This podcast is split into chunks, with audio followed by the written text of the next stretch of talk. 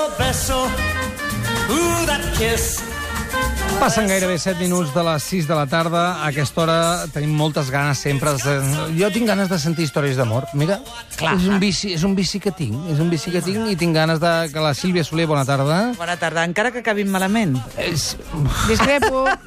A tu, a tu què Aquí, t'agrada? aquí, al fons. Què? Digui, digui. No, no, a mi només no m'agraden doncs, quan em crispo ja. No? Doncs avui jo et, agafo, mira, la doncs meva... avui et crisparàs, Maria, ja t'aviso. Va pensar en la teva... És del tipus Agur Rodin i Camille Claudel? Home, no És aquest tant, estil? no, no. tu estàs, amb no. això tens un trauma, eh? Un amb aquesta trauma, història. No m'estranya, és que la història No, de ja, Camille ja. Claudel era Ja, molt ja. bèstia. No, no, no tant, no tant. Per, és un cas eh, que es podria con- mm, eh, posar en aquesta bossa, diguéssim, de dones, grans dones a l'ombra d'homes, no sé si grans homes, però amb una mica més de rebel·lió per part de la dona. per tant, hem I millorat perdona, una mica. jo veig els dos noms aquí i com a mínim Sí?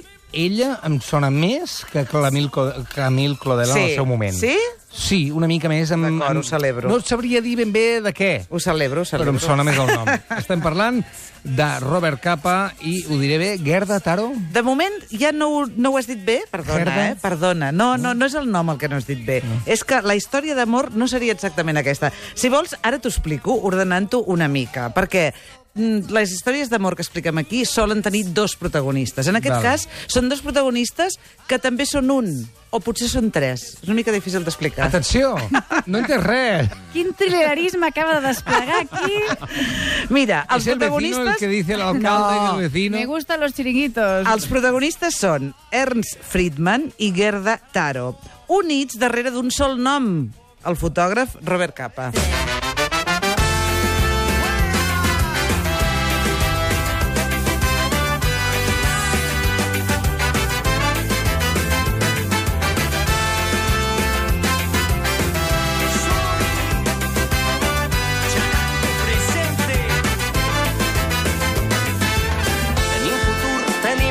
Aviam, Robert Capa sí que eh, el tenim molt present. Ernest Friedman no tant.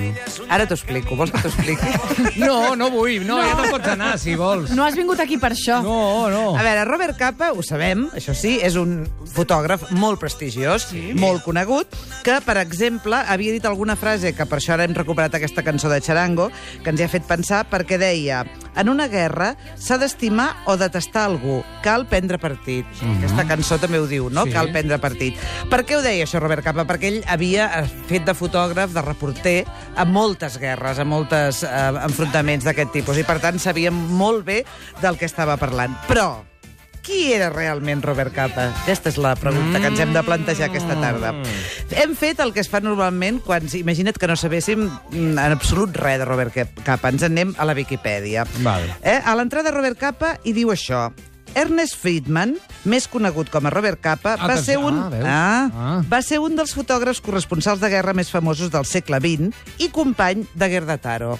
Llavors ens anem a buscar Gerda Taro. Sí. I diu... Va ser una fotògrafa de guerra, companya de Robert Capa, amb qui cobrí com a corresponsal de Guerra Civil Espanyola.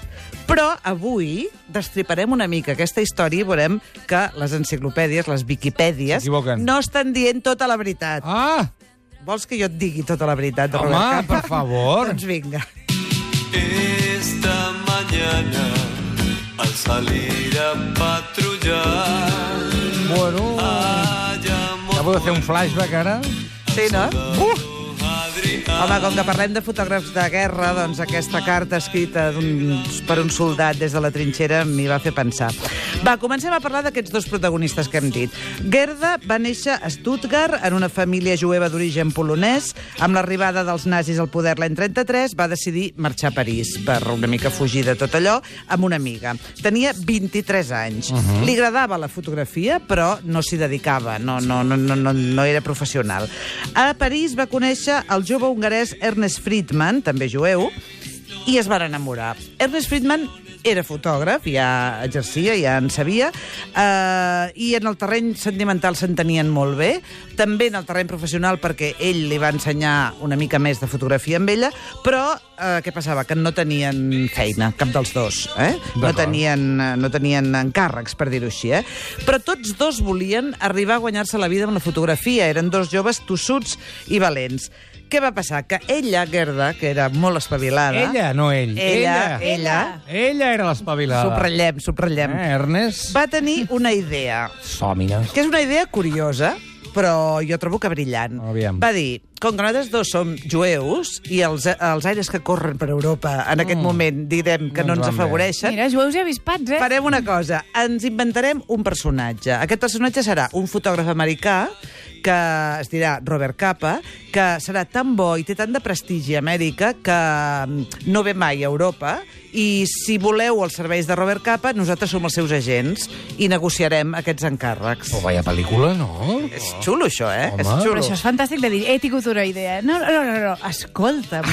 Ernest, vine, vine, No? vine, vine. He tingut una idea. Aquesta idea Mentre menjaven unes bledes... va ser brillant, perquè, clar, com que ells dos... Però és fake news. Es van inventar un Absolutament, personatge. Una Absolutament. campanya de màrqueting com una catedral. Però a veure, com que, les, com que les fotografies que feien ells dos eren bones, perquè tots dos eren bons fotògrafs, com després es va demostrar, doncs, clar, el, la gent s'interessava per les fotografies. Llavors ells deien, no, el senyor Robert Capa està ocupat, hem de negociar També nosaltres. s'ho devien passar. Boníssim. Exacte, exacte. Agafa'l tu, agafa'l tu, Ernest. Eh, va, eh, L'altre ja escoltant. Què li dic, Escolta, què li dic, què li els dic? hi van començar a ploure els encàrrecs, eh? Poca Ai, broma. Les mare. millors revistes volien que Robert Capa fos el fotògraf que fes les fotografies. Vull dir que va ser una idea brillant, va ser un èxit. Per tant, Uh, Gerda i Ernest són nòvios, s'estimen, estan enamorats, Sí. són joves, uh, tenen moltes ganes de fer coses Sí. i comencen a guanyar diners.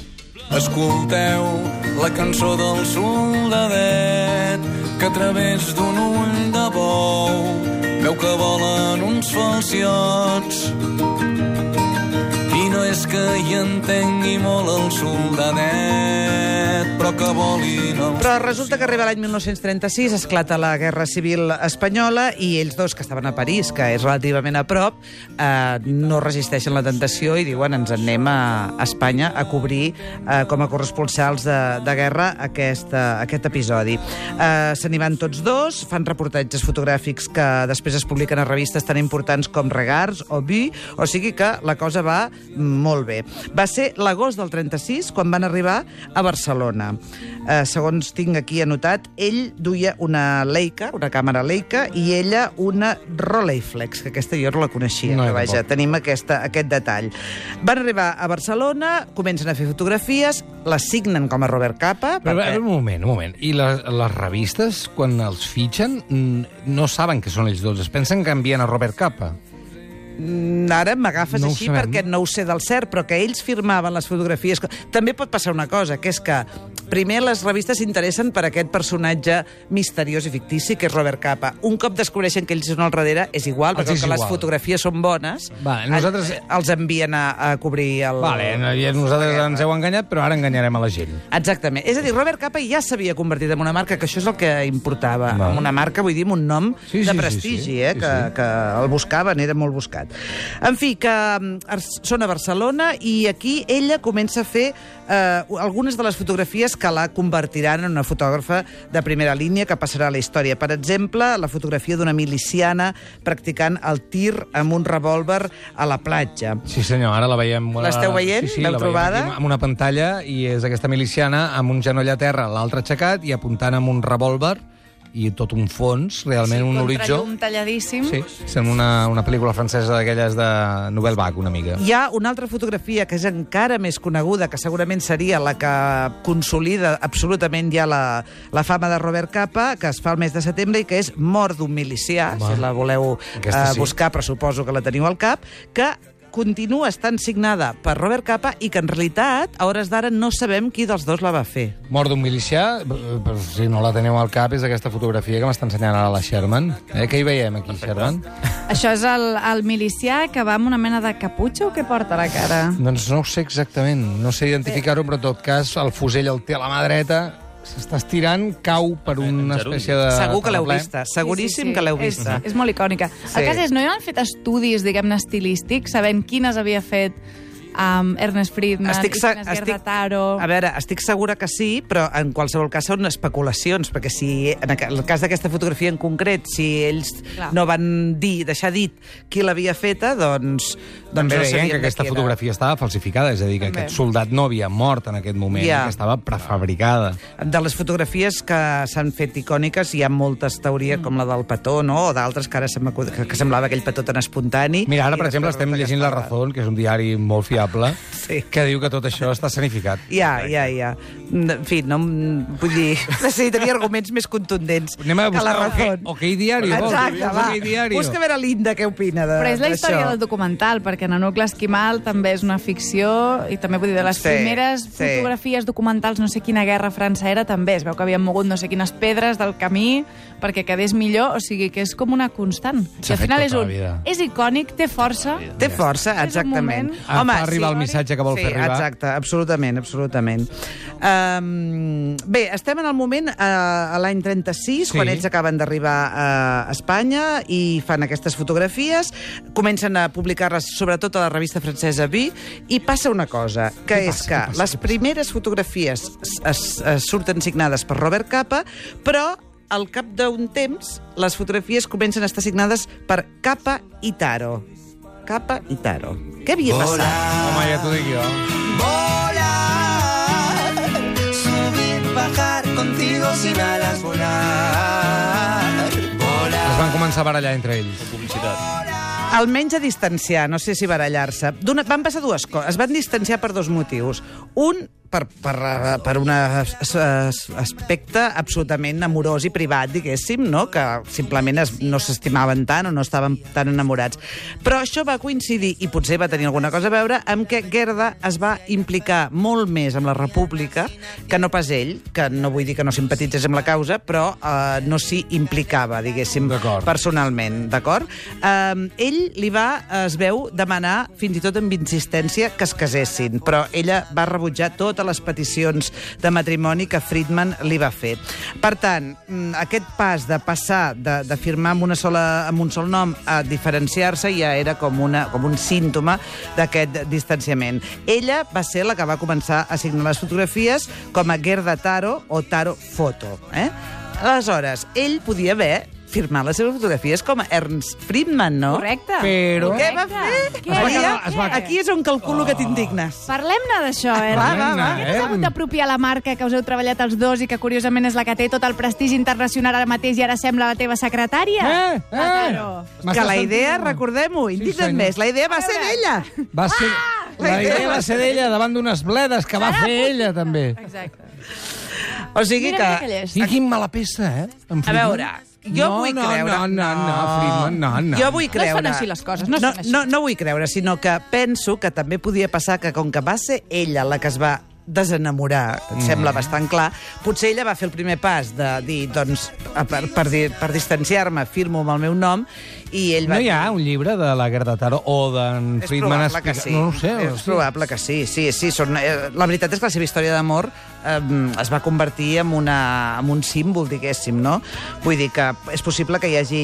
Ja veuràs Mm. que ara veurem com hi ha... És una història d'amor amb epíleg, que això em va fer molta gràcia. Ai. En fi, Gerda continua publicant les seves fotografies a la revista Sessoir, que dirigia el poeta comunista Louis Aragón. Mm. Sí, senyor. Mm, Ho dic perquè això també mm, eh, és representatiu de el compromís polític que ell havia adquirit i molt més significatiu que no, que no pas ell.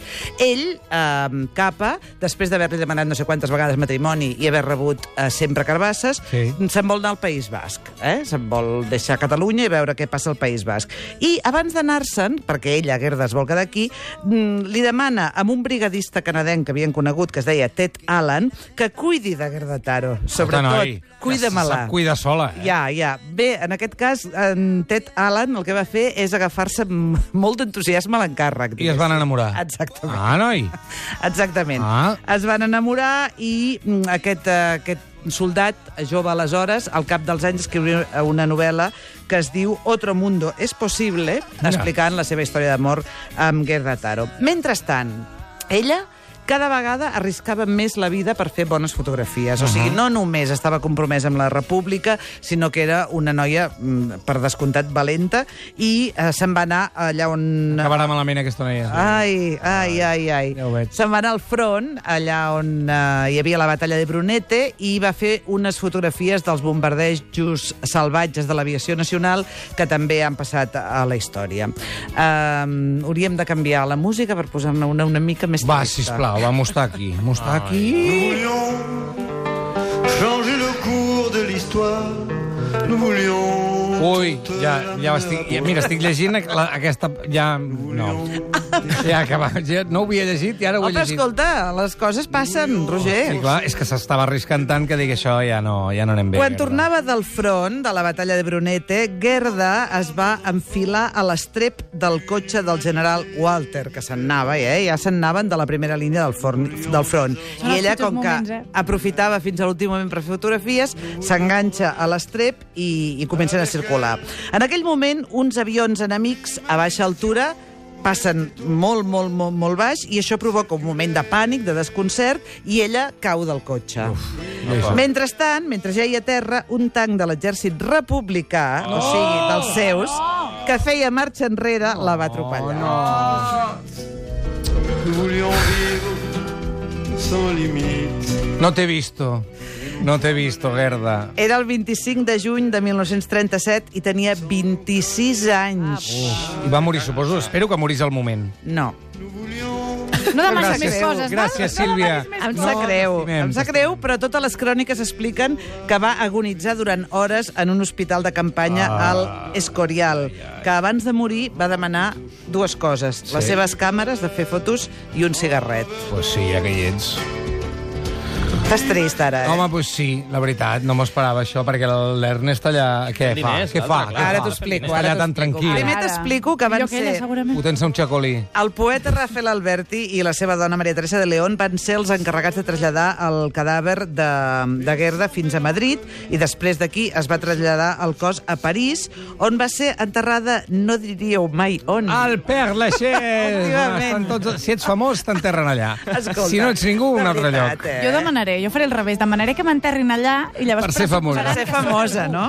El seu funeral va esdevenir una gran manifestació antifeixista eh, durant la qual van prendre la paraula per elogiar la figura de Gerda Taro mm, gent com Pablo Neruda o Luis Aragón. Mentrestant, Ernest Friedman, Sí. ja conegut a tot arreu com a Robert Capa. Ole! Què feia? Doncs estava al País Basc, efectivament, bevent xacolí, suposem, i va veure com la seva relació d'amor, que en realitat ja s'havia acabat, esdevenia un mite romàntic perquè ells eren dos homes, ai, dos homes, dos, Dos persones, persones, sí. joves, enamorades i valentes, i ell mm, en aquell moment va dir que no tornaria mai a ser el mateix, cosa que no dubtem, però el cas és que es va quedar amb el nom de Robert Capa. Més endavant, eh, Capa va crear l'agència Magnum, amb altres fotògrafs, entre els quals Enric Cartier-Bresson, Sí. i ell no només va cobrir la Guerra Civil Espanyola, sinó que a partir d'aleshores cobriria la Segona Guerra Sino-Japonesa, la Segona Guerra Mundial, especialment el desembarcament de Normandia, la Guerra Àrabo-Israeliana del 48, fins a morir a Indoxina l'any 54, després de trepitjar una mina antipersona. Home, aleluia tampoc, aleluia tampoc. I no ens n'alegrem tant. Mira, és una mica sòmines i una mica de morro, però... Ah, no, però no és d'alegria, l'al·leluia. Ara. també. Pues és que ha semblat, Gràcies, ha semblat Maria. això, Sílvia. Gràcies, gràcies. Ai, Bé, deia que aquesta història d'amor, aquesta gran història d'amor, té un epíleg. I l'epíleg se situa l'any 2018, que és l'any que som. A començament d'aquest any, un anglès anomenat John Kisley va pujar una foto a Twitter per retre-li homenatge al seu pare, que havia estat metge de les brigades a la Guerra Civil Espanyola. En aquesta fotografia s'hi veia el jove metge britànic, el pare d'aquest noi, que netejava la sang del rostre d'una noia ajaguda en una llitera. Algú va adonar-se que aquesta noia s'assemblava molt a Gerda Taro. Van començar a investigar i es va, aquest noi va veure que al revés, del, al, a la part de darrere de la fotografia, hi deia la dona de Frank Cappa. Evidentment s'havia equivocat la persona que ho va anotar perquè havia confós el director de cinema Frank Cappa amb el fotògraf Robert Cappa. Però van començar a investigar i van descobrir que efectivament aquella noia era Gerda Taro. Bonic, eh, aquesta pila. Ara en sèrio, eh? Moltes gràcies, Sílvia. Ja no tenim Vinga. més temps. Gràcies. Adéu. Estat de Gràcia.